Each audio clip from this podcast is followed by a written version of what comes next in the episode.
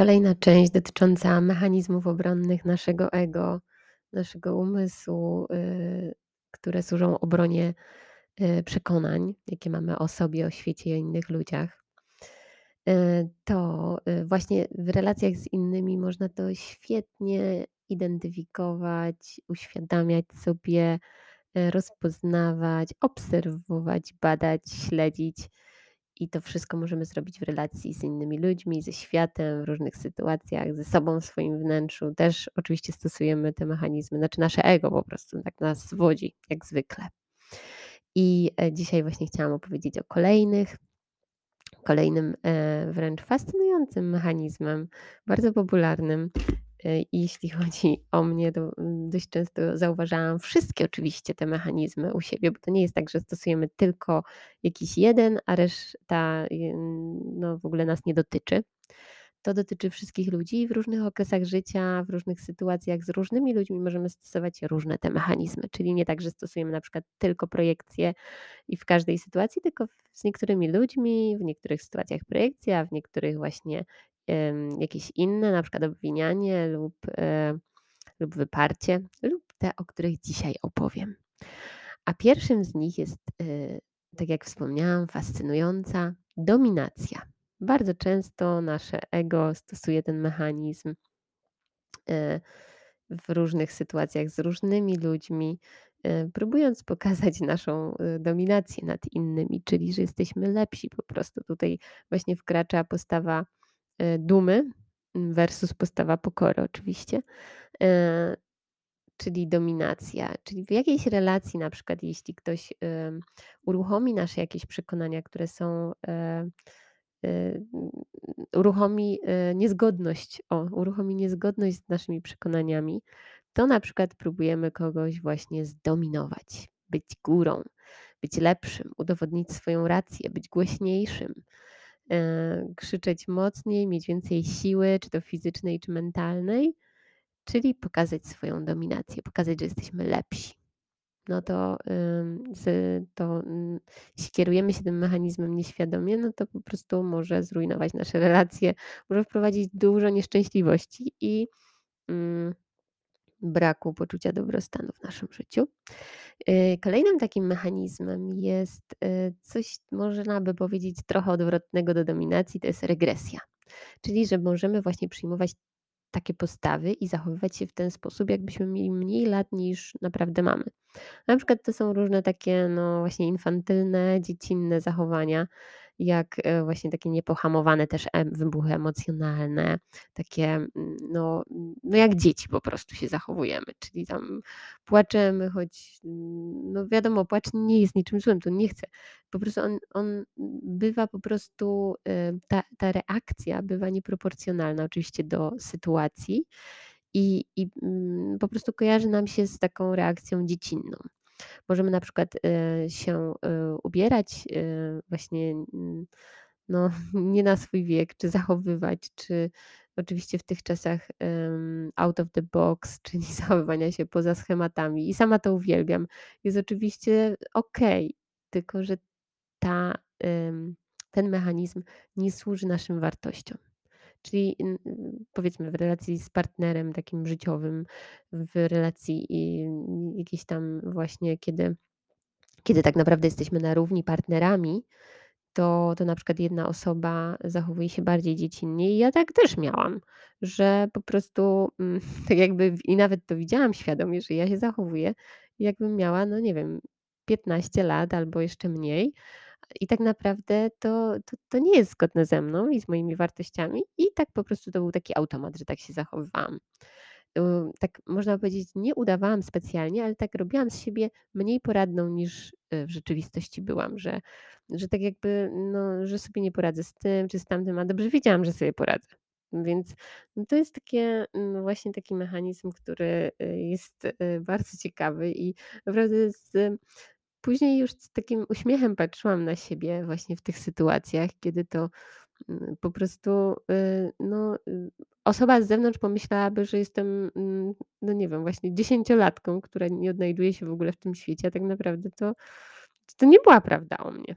i o tym, co robiłam i tak naprawdę jak się później zachowywałam, tylko po prostu to jest taki taka forma manipulacji, żeby wywrzeć na na na wpływ na kogoś, żeby już, y, zachowywał się zgodnie z naszymi przekonaniami.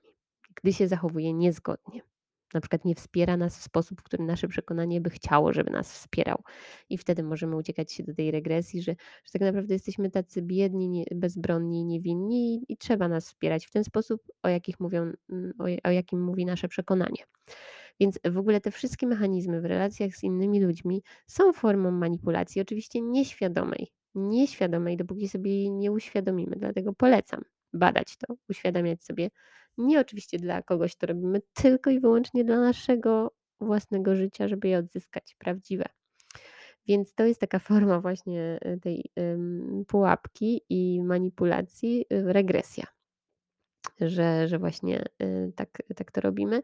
Też inny mechanizm, który może się wiązać z tą regresją i być podobnym, choć nie identycznym, to jest robienie z siebie ofiary.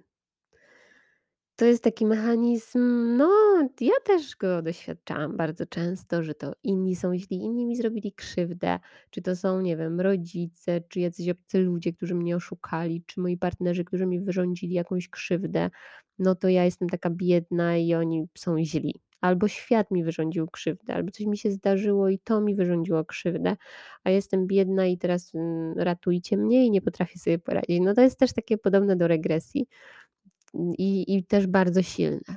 Bardzo silny taki syndrom ofiary, to już może ktoś słyszał o tym bardzo często, że że na przykład wychowałam się w takiej rodzinie, nie miałam takiego ojca, ludzie zrobili mi takie rzeczy, choroba mnie dopadła i to właśnie jest przyczyną tego, że właśnie tak się zachowuję i to jest zgodne z moimi przekonaniami wtedy, bo bo przecież to nie jest moja odpowiedzialność i to nie ja jestem twórcą mojego cierpienia, tylko inni.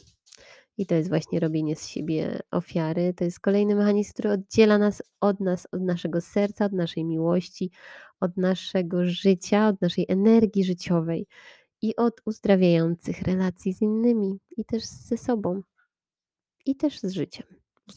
Uzdrawiającej relacji z życiem. Oddziela nas to. Po prostu. Dlatego nie umniejszamy cierpienia y, ludziom, y, którzy doświadczyli różnych krzywd, Natomiast y, ten mechanizm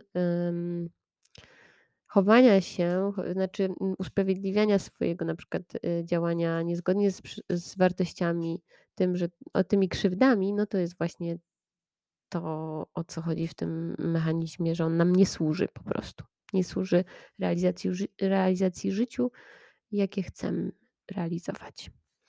Więc y, fantazje też są, y, marzenia, fantazje, uciekanie do tego świata jest y, mechanizmem obronnym przed rzeczywistością, przed spotkaniem się, przed zmierzeniem się z emocjami, z problemem, z sytuacją, z innymi ludźmi.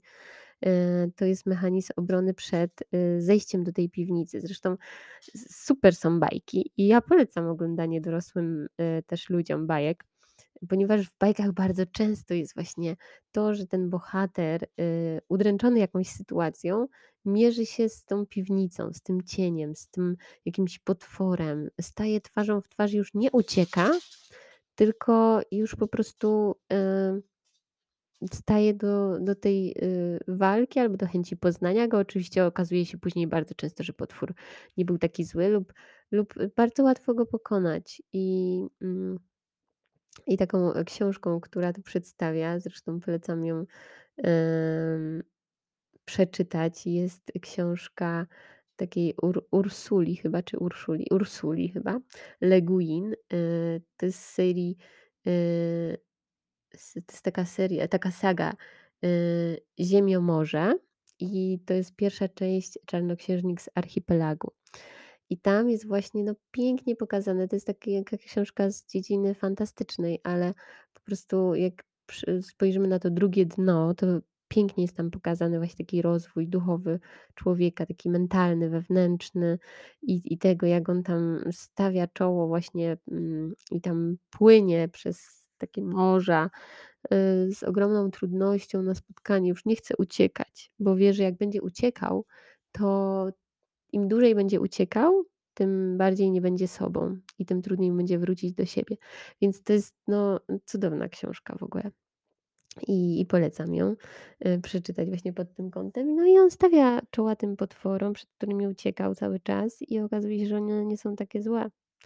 I i że, mm, no i że w tej piwnicy nie jest tak brudno, ciemno, zimno, samotnie i śmierdząco. Nie, wcale nie. Ja to uwielbiam w ogóle zapach piwnic starych i chociaż do swojej niechętnie wchodziłam zawsze, bo wiadomo, że tam nie chodzimy chętnie i teraz już chodzę coraz chętniej, bo po prostu fascynuje mnie, co tam odkrywam. Na przykład, że uciekałam w świat marzeń i fantazji, żeby po prostu uznać, że tej piwnicy nie ma to myślałam o różnych sytuacjach, mm, że one są inne, że tak naprawdę na przykład nie czuję pewnych emocji, albo że tak naprawdę ta osoba mnie nie odrzuciła, tylko na przykład e, właśnie uciekałam się w świat fantazji i tam sobie wyobrażałam, że, że ten rycerz na białym koniu to rzeczywiście on mnie porywa. No i, i, i w ogóle jest, y, cały czas jestem na mm, piedestale. Tak, y, tak właśnie lubiłam robić, natomiast to jest tylko na chwilę oczywiście, bo bo dalej są te emocje w nas w tej piwnicy, które i tak są. Więc, yy, tutaj mamy właśnie fantazje, marzenia mogą być bardzo pociągające, ponieważ one są takie przyjemne. No tak, tam jest nam dobrze i wszystko jest tak, jak chcemy, żeby było. I i mamy na na wszystko wpływ, mamy kontrolę i czujemy się bezpiecznie wtedy w swoich fantazjach, natomiast to nie jest nasze realne życie. I te fantazje, y, bywają pomocne, kiedy mamy na przykład rozwiązać kreatywnie jakiś problem albo coś stworzyć nowego, to jest super w ogóle. To to się przydaje, coś zrobić nowego. To wtedy fantazje się przydają, ale nie przydają się do tego, żeby mieć kontakt z realnym życiem i żeby żyć naprawdę w tym świecie, w realnym. Czyli z tymi wszystkimi mrocznymi naszymi emocjami, z tymi wszystkimi sytuacjami, których nie chcemy, nie chcielibyśmy nigdy. Więc Kolejną taką, e, można by powiedzieć, mm, obroną naszego ego e, jest e, mm, no, mm, bardzo taka, można by powiedzieć, też popularna metoda, choć ona ma oczywiście dwie strony. Ja tu już mówiłam o humorze, o poczuciu humoru, o śmiechu, o uśmiechu i to jest po prostu leczące. To jest bardzo pomocne, żeby poradzić sobie z różnymi sytuacjami, tymi e, średnio trudnymi i bardzo trudnymi. Natomiast jest e, mechanizmem obronnym, który nam nie służy, humor, kiedy na przykład e, zbyt często i, mm, i do wszystkich sytuacji podchodzimy właśnie tych trudnych z humorem, żeby ominąć na przykład spotkanie z prawdą, czyli z naszymi emocjami, z prawdą o rzeczywistości, o sytuacji, czyli jak to rzeczywiście jest, bo ona nie jest zgodna z naszymi przekonaniami, więc obracamy wszystko w humor i przecież tak naprawdę to, to tak nie jest. To to nie ma znaczenia, e, bo, bo po prostu mm, żartujemy sobie z tego i, i z naszych emocji, i też one zostają dalej w tej piwnicy, bo my tam wcale wtedy nie schodzimy, tylko po prostu traktujemy wszystko zbyt humorystycznie i tracimy kontakt z naszym życiem, z naszym wnętrzem. I tutaj jeszcze dzisiaj o ostatnią powiem, która ma też związek e, z tym, co mówiłam w poprzednim odcinku, czyli z racjonalizacją, to jest intelektualizacja, czyli intelektualizowanie emocji, relacji i, i mm, kłopotów w relacjach, y, kiedy nie są one zgodne z naszymi przekonaniami, te relacje, te zachowania innych ludzi, te sytuacje, no to możemy intelektualizować, czyli czytać kolejną książkę. Na przykład ja też przez to przechodziłam no, na studiach psychologicznych i po psychologii to jest bardzo częste, bo mamy dostęp do tego, żeby sobie tłumaczyć zachowania i emocje innych ludzi no po prostu w intelektualny sposób, czyli czytanie na przykład wszystkiego na ten temat i próbowanie analizowania tej osoby, jej psychiki i tego, y, dlaczego ona tak robi, y, i próba intelektualnego zrozumienia właśnie poprzez to, co tej osobie na pewno dolega, że to jest na przykład, nie wiem, piąta książka o narcyzach, no i ja czytam właśnie, że to jest właśnie to, to, to, to jest ten mechanizm właśnie, który dotyczy tej osoby, ona dlatego tak zrobiła.